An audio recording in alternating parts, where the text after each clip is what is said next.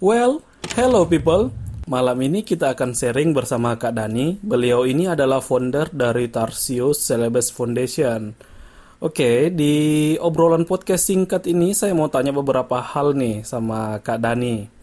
Bisa dijelaskan dulu nggak ini Tarsius Celebes Foundation ini apa? Apa sih yang akan dilakukan Tarsius Celebes Foundation? Kemudian bagaimana perspektif Kak Dani menghadapi masa pandemi ini? Nggak Selanjutnya, apakah ada impact ke bumi ketika terjadi wabah ini? Menurut pandangannya Kak Dani, oke, okay, waktu dan tempat saya persilahkan. Makasih.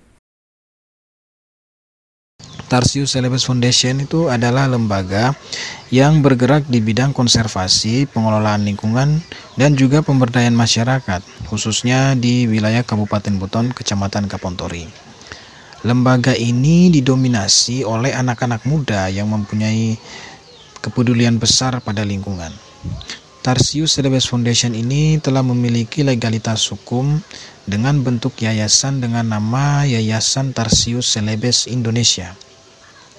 Lembaga ini itu terhitung masih sangat baru, yaitu mulai dibentuk sejak periode akhir tahun 2019. Pada saat itu ada momen masyarakat melakukan advokasi penolakan tambang nikel yang rencana akan masuk di wilayah Kecamatan Kapontori, Kabupaten Buton. Hal inilah yang kemudian menjadi titik awal kami untuk membuat yayasan ini yang menjadi wadah untuk gerakan kami. Kami berharap dengan lembaga ini kami bisa melakukan berbagai upaya kerjasama dengan berbagai pihak terutama pemerintah dan lembaga-lembaga lainnya seperti lembaga swasta dalam hal pengelolaan lingkungan sehingga kita bisa mencegah kerusakan lingkungan yang ada di sekitar kita sekaligus bisa berkontribusi meningkatkan kesejahteraan masyarakat. Jadi yang kami lakukan di Tarsius Celebes Foundation tentunya kegiatan yang berhubungan dengan konservasi lingkungan pendidikan dan edukasi lingkungan, pemberdayaan masyarakat, ekowisata, dan pengembangan produk lokal, khususnya di wilayah Kabupaten Buton, Sulawesi Tenggara. Meskipun e, wadah ini baru secara resmi dibentuk pada akhir tahun 2019, namun kegiatan kami sebenarnya di bidang lingkungan sudah sejak tahun 2010, yaitu melalui komunitas pecinta alam Tarsius Kapontori yang kegiatannya banyak di bidang e, pengkaderan anggota yang di bidang pecinta alam, kegiatan penanaman mangrove di pesisir, penanaman pohon di bantaran sungai dan pembersihan lingkungan terutama dari adanya sampah-sampah plastik. Itu itu sangat sering kami lakukan. Kemudian kami juga itu melakukan kegiatan di bidang ekowisata melalui program Tarsius Adventure yang menyediakan jasa guide untuk menuju ke lokasi-lokasi wisata yang ada di Kecamatan Kapontori khususnya itu lokasi wisata air terjun. Itu cukup banyak di tempat kami. Juga kami melakukan pengembangan produk lokal yaitu produk madu hutan yang merupakan 100% asli dari hutan belantara hutan Lambu Sangu Kabupaten Buton pada saat ini pandemi COVID-19 ini telah menyerang hampir seluruh negara di dunia termasuk Indonesia Penyebarannya kita tahu bersama sangat-sangat cepat bahkan sudah 2 juta lebih orang di dunia ini yang terjangkit virus ini dalam waktu cuma 2 bulan. Sementara untuk Indonesia sudah mencapai 7, 7 ribuan lebih kasus. Jadi ya tidak ada hal lain, kita memang harus berdisiplin dan patuh untuk menerapkan apa-apa yang sudah diinstruksikan oleh WHO dan juga pemerintah Indonesia seperti mengurangi aktivitas di luar rumah, menerapkan social distancing, rajin mencuci tangan, penggunaan masker saat beraktivitas dan berbagai upaya pencegahan lainnya untuk secepatnya memutus mata rantai penyebaran virus corona ini. Tentu ini tidak mudah karena tidak semua dari kita bisa melakukan aktivitas di rumah saja. Terlebih aktivitas yang berhubungan dengan pemenuhan kebutuhan ekonomi, misalnya yang harus bekerja sebagai sopir angkot, buruh bangunan, pedagang di pasar, ojek online, dan lain-lain. Namun sedapat mungkin bagi kita yang aktivitasnya tidak begitu mengharuskan keluar dari rumah, maka sebaiknya kita bisa di rumah saja dan tetap melakukan hal-hal yang produktif, melakukan hobi-hobi kita. Apalagi sekarang teknologi online cukup berkembang yang sangat memudahkan aktivitas kita di rumah kita bisa bersosial walaupun tanpa harus bertemu dengan teman atau keluarga. Dari aspek geografis wilayah dan iklim ini sebenarnya Indonesia cukup beruntung ya karena merupakan negara beriklim tropis dengan suhu antara 27 sampai 30 derajat Celcius sehingga penyebaran virus sedikit e, tertahan dengan adanya kondisi yang sedikit lebih panas dari daerah-daerah yang ada di Eropa. Itulah mungkin penyebabnya kenapa angka kejadian di Eropa jauh lebih tinggi daripada di Indonesia yang beriklim tropis. E, seperti diketahui berdasarkan pendapat para ahli, virus corona ini kan memang mampu bertahan lama pada kondisi suhu yang rendah dan kelembapan yang lebih tinggi. Namun penyebaran di Indonesia ini lebih disebabkan kegiatan mobilisasi manusia yang cukup tinggi sebenarnya. Jadi ya untuk itu social distancing dan di rumah aja itu memang pilihan yang tepat untuk secepatnya memutus mata rantai virus ini. Nah, ini cukup menarik karena berhubung hari ini yaitu tanggal 22 April 2020 bertepatan dengan peringatan Hari Bumi.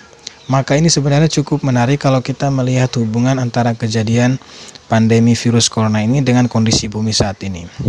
Beberapa media media luar negeri menerbitkan berita bahwa ada perubahan kondisi lingkungan yang cukup signifikan, terutama pada kondisi kualitas udara yang semakin bersih. Tercatat penurunan polusi di beberapa belahan dunia seperti di Amerika, Italia, dan China hampir mencapai 50% penurunannya dari tingkat polusi di tahun sebelumnya. Tentu ini adalah kondisi yang baik bagi bumi.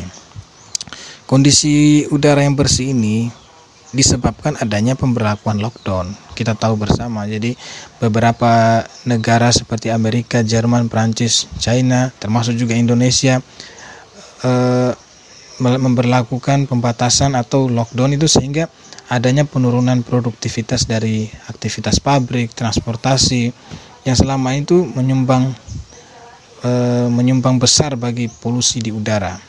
Polusi di udara secara terus-menerus kan itu sebenarnya bisa menumpuk di atmosfer bumi dan membuat terjadinya pemanasan global atau global warming. Tapi tidak cuma pencemaran udara, pencemaran air juga itu semakin berkurang sebenarnya saat ini karena pabrik-pabrik banyak yang berhenti sehingga air sungai dan air laut itu cenderung lebih bersih saat ini. Jadi sebenarnya negara-negara dunia itu sudah membahas masalah pencemaran ini itu sudah dari dulu. Namun nampaknya itu tidak pernah efektif. Berbagai pertemuan dunia sudah dilakukan untuk membahas upaya-upaya menurunkan global warming, menanggulangi pencemaran, tapi karena mungkin permasalahan politis dan ketakutan negaranya akan mengalami defisit ekonomi, makanya kegiatan-kegiatan yang sifatnya produksi itu tidak akan bisa diturunkan sehingga ya dampaknya tetap masih menggunakan batu bara juga ya tetap terjadi pencemaran udara, limbah juga tetap banyak mah. Nah, untuk itulah dengan hadirnya corona ini tiba-tiba bumi menjadi lebih bersih, menjadi lebih baik. Nah, inilah dua sisi yang berbeda sebenarnya. Dari sisi lingkungan, dampak corona ini ternyata mendukung bumi untuk menjadi lebih baik, tapi di sisi manusia dampaknya juga sangat buruk. Nah, jadi sebenarnya hadirnya virus corona juga bisa dihubungkan dengan aktivitas manusia yang kerap menjarah alam dan memburu hewan-hewan liar untuk kebutuhan konsumsi atau kebutuhan lainnya.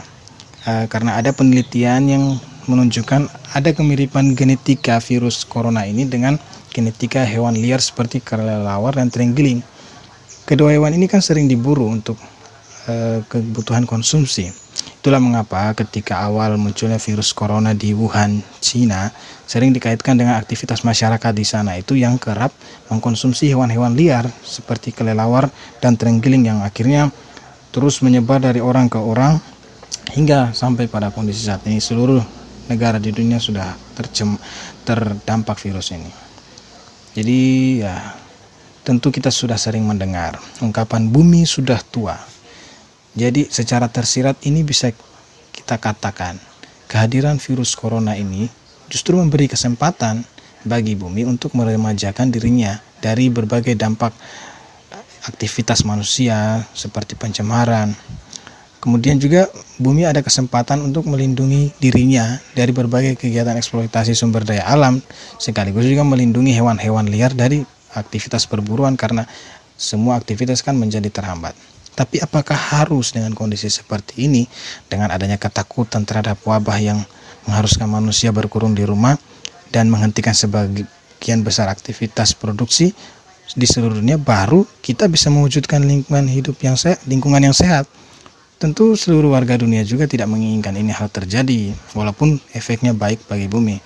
Untuk itu, dengan adanya wabah corona ini, eh, seperti memberikan pesan kepada kita untuk mulai kembali memikirkan apa yang sudah kita lakukan pada bumi ini.